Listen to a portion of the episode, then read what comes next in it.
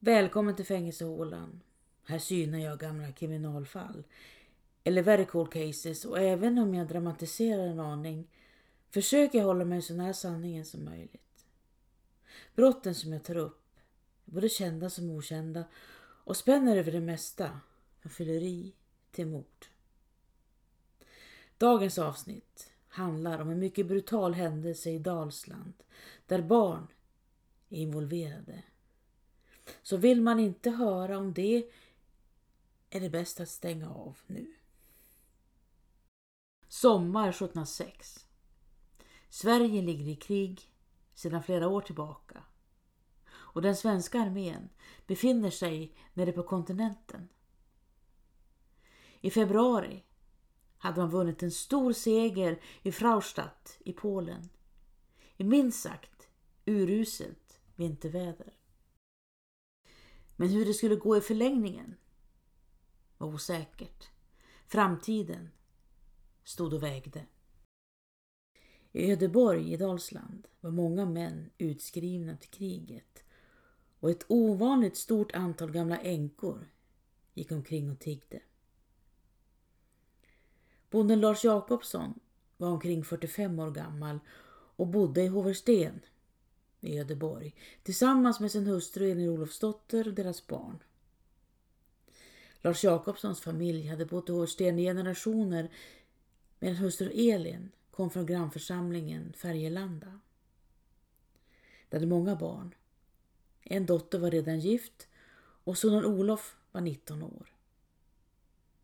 Sedan 1685 åtminstone hade barnen kommit med jämna mellanrum under sommaren 1706 var Elin Olofsdotter gravid igen och närmade sig slutet av sin graviditet.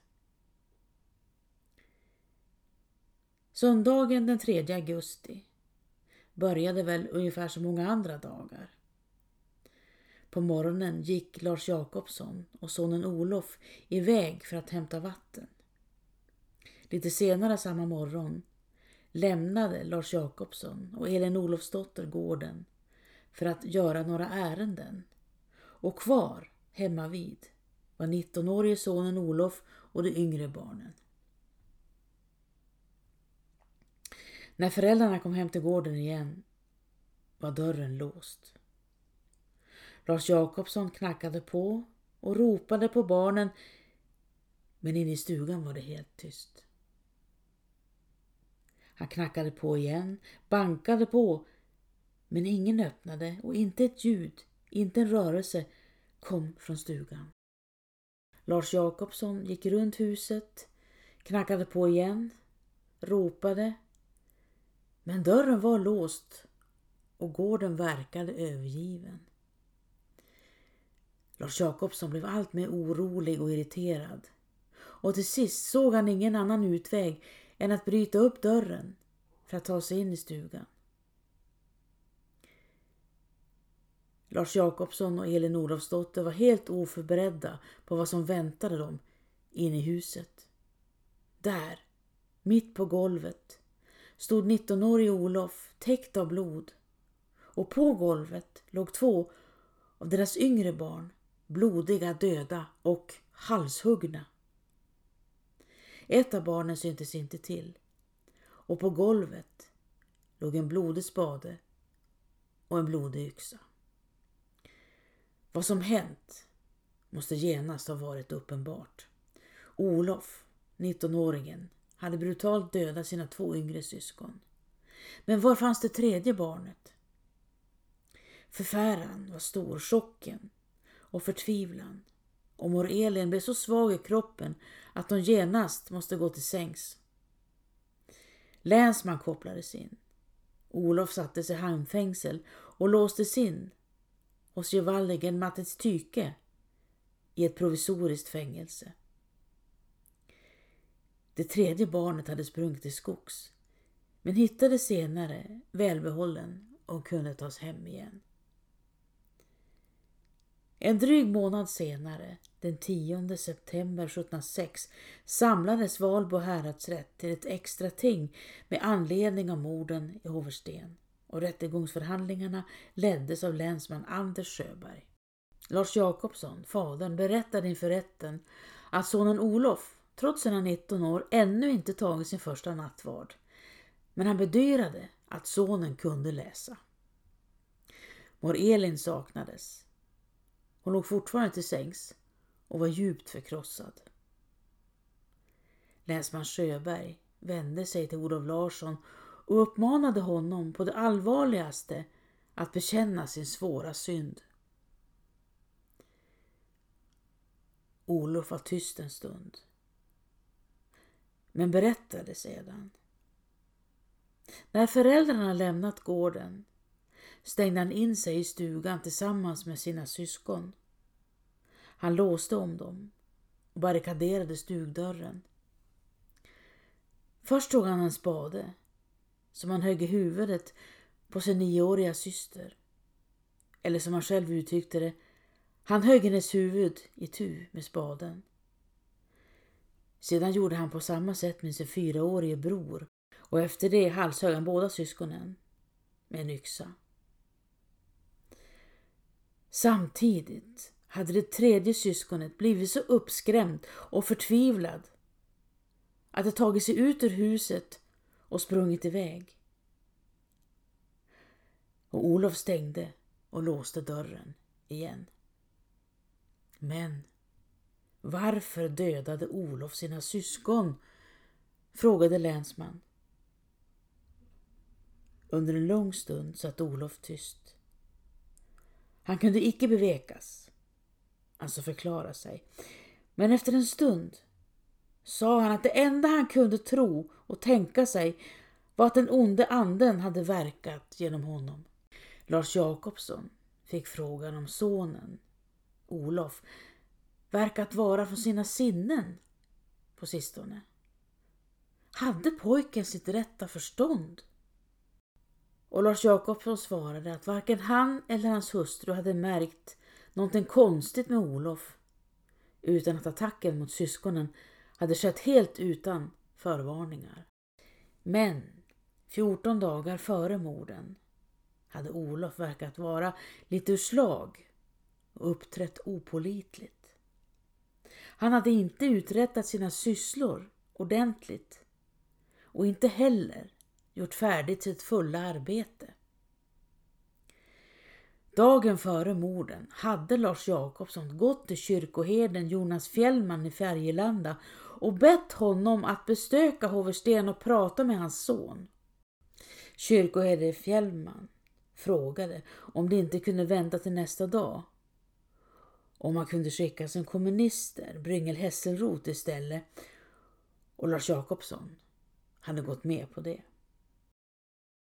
Under eftermiddagen hade Olof varit så pass frisk att han kunde utföra sitt rätta arbete som vanligt.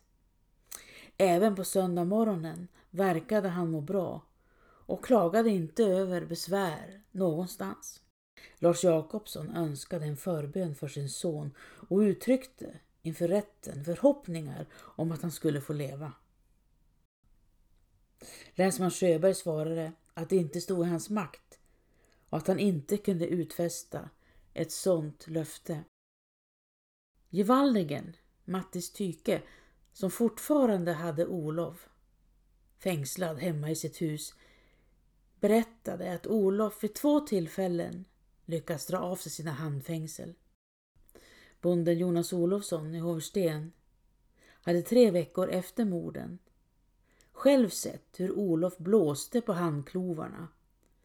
Olof svåger, Per Jakobsson, hade också blivit vittne till hur Olof tog sig loss från handklovarna.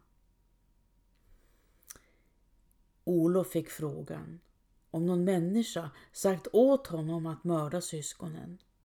Men Olof svarade inte, utan visade sig istället vara citat, mycket förtjust, slutcitat, och sa sedan igen att det var den onda anden som var orsaken till morden. Barnen var redan begravna och rätten såg ingen anledning till vidare undersökningar och redan samma dag dömdes Olof Larsson att halshuggas och steglas. Sex dagar efter rättegången födde Elin Olofsdotter ett dött barn. Vad som sedan hände är oklart. Men eftersom Olof Larsson hade tagit sig loss för flera tillfällen är det möjligt att han fördes till Bohus fästning inför avrättningen. Avrättningen bör ha skett samma höst. Olof Larsson hade många syskon. En 15-årig bror som hette Lars, förutsatt att han levde 1706 och en bror Jakob som var 10 år 1706, om han levde.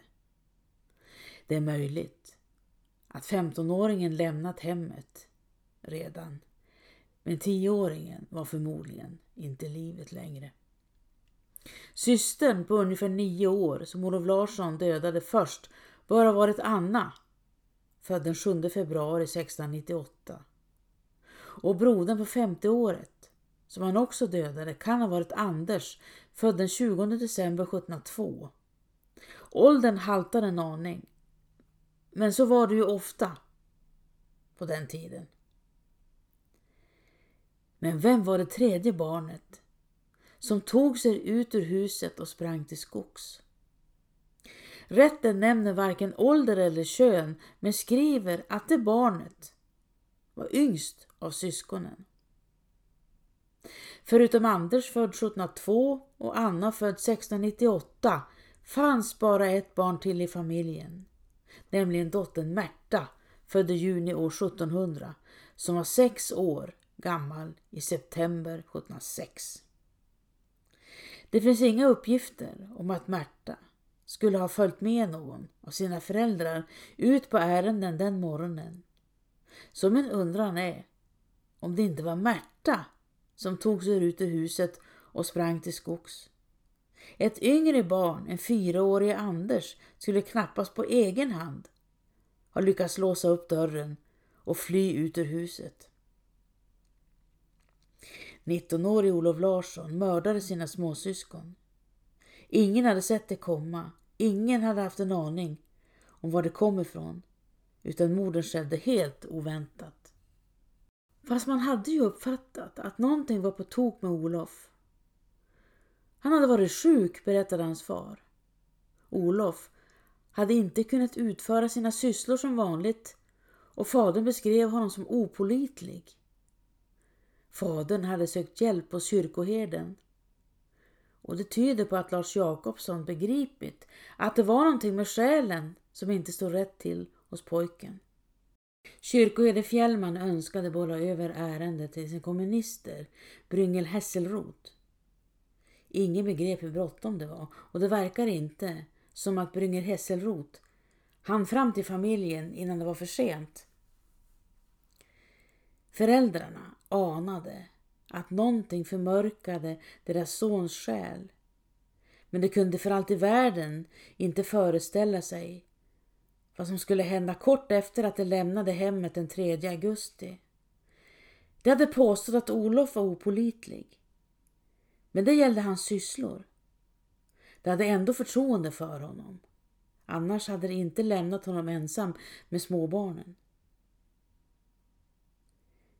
Jag gissar att Olof Larsson insjuknade akut i en psykos. Det hade varit på väg en tid och det hade familjen lagt märke till med stor oro.